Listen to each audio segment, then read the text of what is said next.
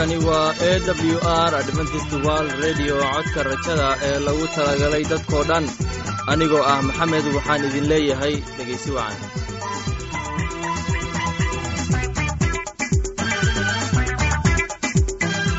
Barnaamijkeenna maanta waa laba qaybood. Qaybta koowaad waxaad ku maqli doontaan barnaamijka caafimaadka uu inoo soo jeedinaya maxamed kadib waxaa inoo raacaya cashar inaga imaanaya bugga nolosha uu inoo soo jeedinaya cabdi labadaasi barnaamij ee xiisaha leh waxaa inoo dheer heese daabacsan oo aynu idiin soo xulnay kuwaasoo aynu filayno in aad ka heli doontaan dhegaystayaasheenna sharafta iyo khadradda lahow waxaynu kaa codsanaynaa in aad barnaamijkeenna si haboona u dhegaysataan. Haddii aad wax su'aalaha qabto ama aad haysid wax fikrada fadlan inala soo xiriir. Dib ayaynu kaaga sheegi doonnaa ciwaankeenna. Bal intaynan u gudagelin barnaamijyadeena xiisaha leh waxaad marka hore ku soo dhowaataan heestan daabacsan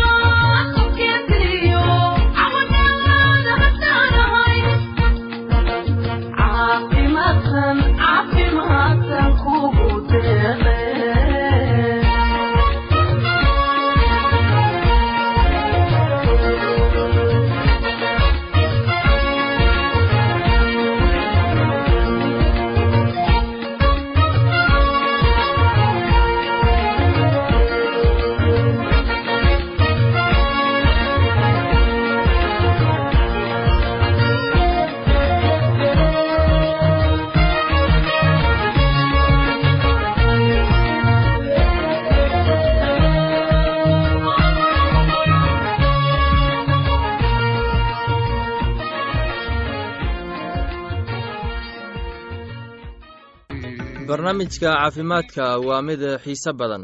Waxaan rajaynayaa inaad ka faa'iidaysan doontaan barnaamijkaasi waxaana inoo soo jeedinaya maxamed. Barnaamijka wuxuu ka hadli doonaa cudurka qaaxada qaybta koowaad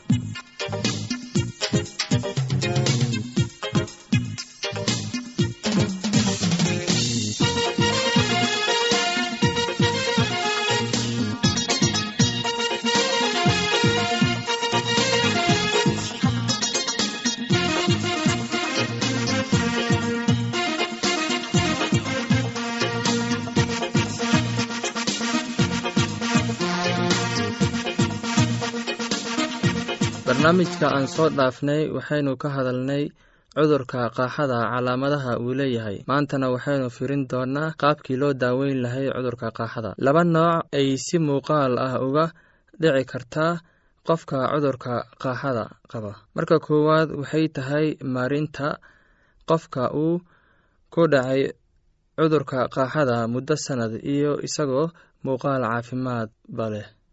Xilliga ayaa jiri doontaa uu qofka buka isbeddel caafimaad ayuu isku arkaa taasi oo ah calaamadaha uu cudurka leeyahay. Sababta kale ee isbeddelka caafimaadka waxaa laga yaabaa inay tahay cudurka sida aidiska kaadisakarowga ama kaadimacaanka waxaa kale laga yaabaa in ay la xiriirto isticmaalka mukhaadaraadka daryeel la'aanta xagga caafimaadka tani waxaa daliil u ah guri la'aanta hayso qofka buka badana. Jirka markuu buka oo ay ka dhammaato awoodda jeermiska wuxuu isku beddelaa cudurka qaaxada.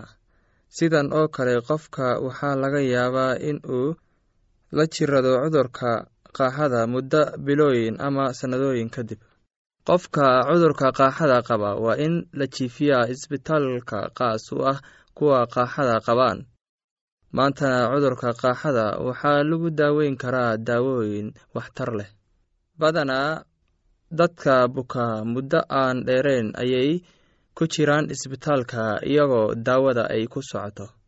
Waxaa muhiim ah qofka buka in uu isticmaalo daawooyinka uuna arko dhakhtarka mar weliba baritaanka caafimaadka waa loo baahan yahay hadiyo goor si aan u aragno waxtarka daawada ay leedahay. Waxaa muhiim ah in uu qof kastaba uu qaato daawada ka hortagga cudurka qaaxada. Qofka buka waa inuu takhtarka arkaa markii uu cudurka uu bilaaw ahay ama uu iska dareemo calaamadaha uu cudurka leeyahay dhegaystayaal barnaamijkeenna maanta waa naga intaas. Kulantideeni dambe sidaas iyo nabadgelyo dhammaanteenba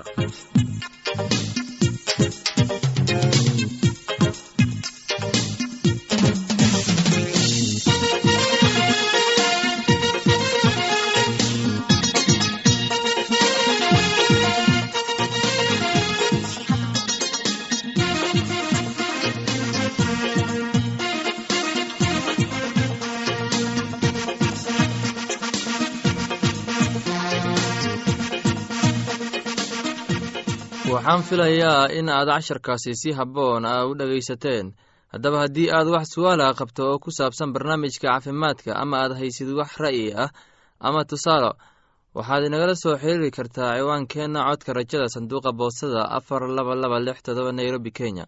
Mar labaad ciwaankeenna waa codka rajada sanduuqa boostada afar laba laba lix todoba nairobi kenya. Waxaa kaloo inagala soo xiriiri kartaa emeilka somali e w r at yahu dt com mar labaad imeilka waa somali e w r at yahu dt com. Somali e w r waa hal eray. Haddana waxaad ku soo dhowaataan heestan daabacsan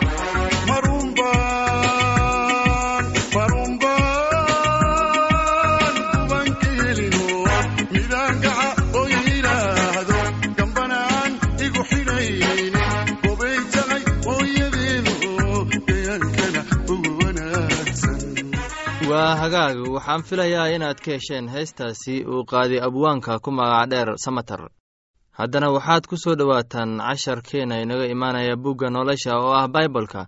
Casharkeena wuxuu ku saabsan yahay maalinta imaashada rabbiga. Waxaana inoo soo jeedinayaa cabdi ee dhegeysi wacan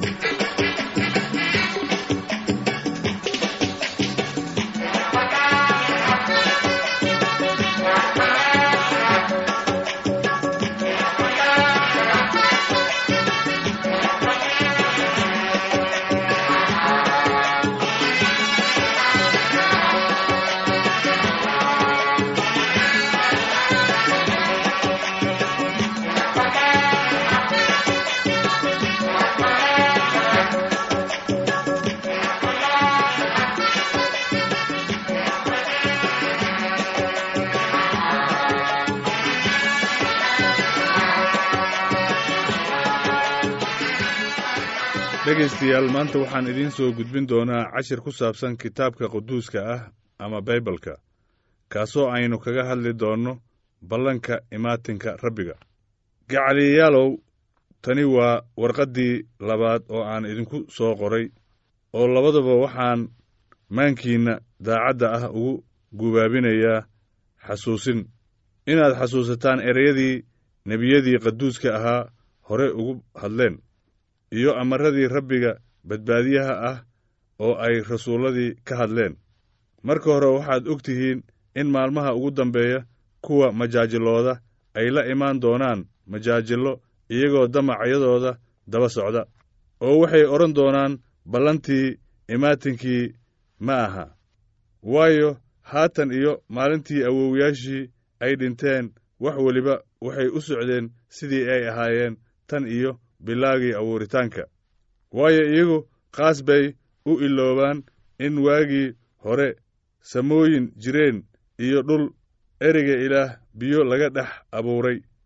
Kuwaas oo dunida waagaas jirtay ay ku baaba'day iyadoo daad qaadday laakiinse samooyinka haatan jira iyo dhulkaba isku erey baa dab lagu kaydiyey oo waxaa loo hayaa maalinta xisaabta iyo halligaadda dadka cibaadolaawayaasha ah.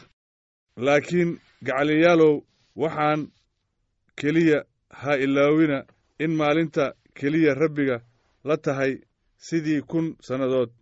Kun sannadood la yihiin sida maalin keliya rabbiga kama raago inuu ballankiisa oofiyo.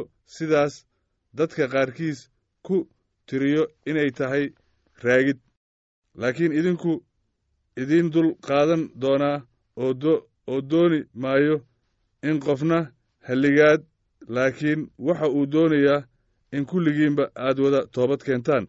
Dhegaystayaal maalintii rabbiga waxay u imaan doontaa sida tuug oo kale. Maalintaasi oo ay samooyinka baabbi'i doonaan iyagoo sanqadh weyn ka yeerayso oo waxyaalahaasi abuuran iyagoo gudanaya ayay baabbi'i doonaan. Dhulka iyo shuqullada ku jirana waa la gubi doonaa.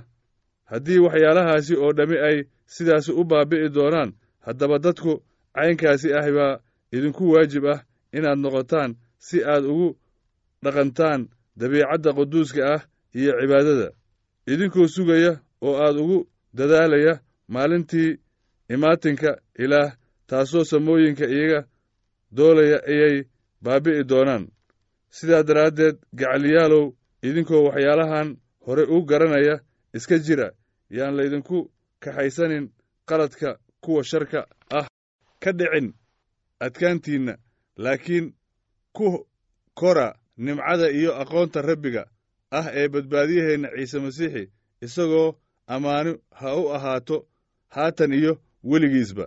Dhegaystayaal cashirkeenna maanta waxaan ku soo gebagabaynaynaa intaas kulinti wacan iyo ismaqal dambe iyo hurdo caafimaad leh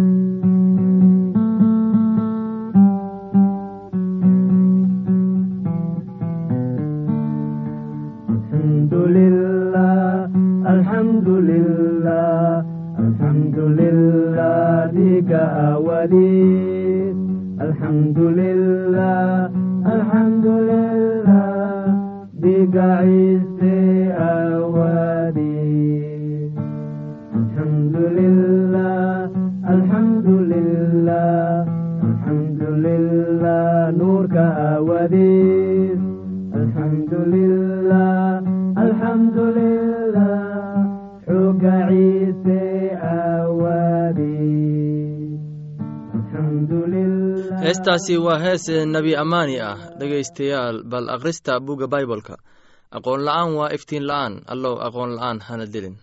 Casharkaas inaga yimid bugga nolosha ayaynu ku soo gabgabaynaynaa barnaamijyadeena maanta. Halka aad inagala socotiin waa laanta afka soomaaliga ee codka rajada ee lagu talagalay dadka oo dhan. Haddaba haddii aad doonayso in aad wax ka kororsato barnaamijka caafimaadka ama barnaamijka nolosha qoyska ama aad doonayso in aad wax ka barato bugga nolosha fadlan inala soo xiriir adoo waraaqaha ku soo hagaajinaya codka rajada sanduuqa boostada afar laba laba lix todoba nairobi kenya. Mar labaad ciwaankeenna waa codka rajada sanduuqa boostada afar laba laba lix todoba nairobi kenya. Waxaa kaloo inagala soo xiriiri kartaa emeilka somali e w r at yahu dt com. Mar labaad somali e w r at yahu dt com. Somali e w r waa hal eray. Anigoo ah maxamed intaan mar kale hawada dib ku kulmayno waxaan idinkaaga tegaynaa heesta soo socota sidaas iyo nabadgelyo.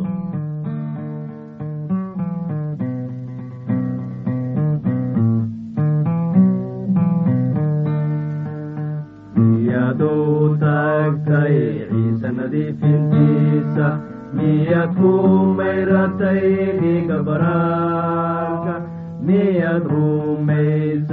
raxmadiisa saacadan miyad ku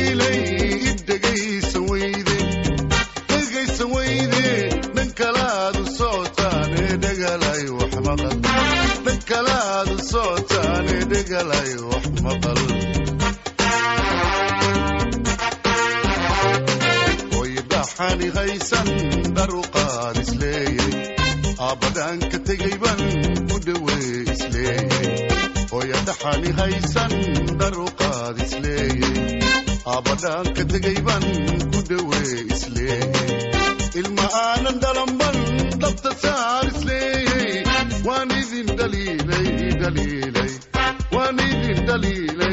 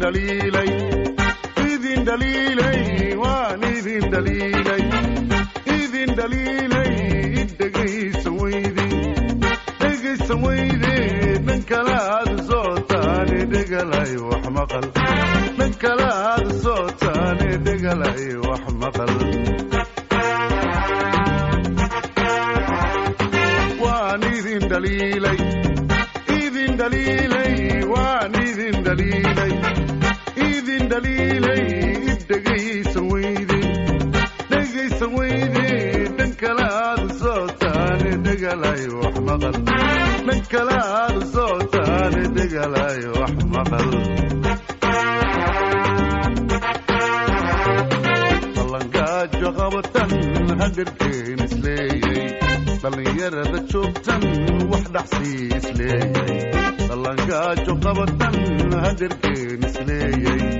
dhallinyarada joogtan wax dhaxsii isleeyay umad kala dhaqaaqdan dhexdhexaadi leeyay.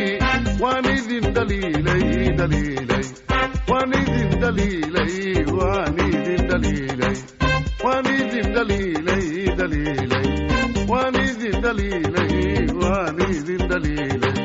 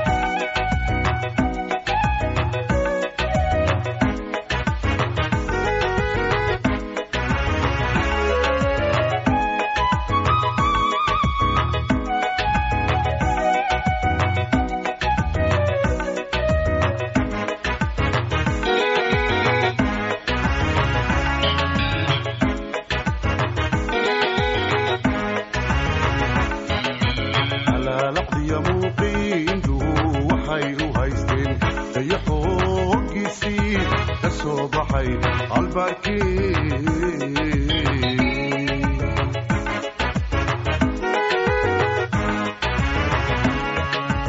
alaalaqdiya muuqiinduhu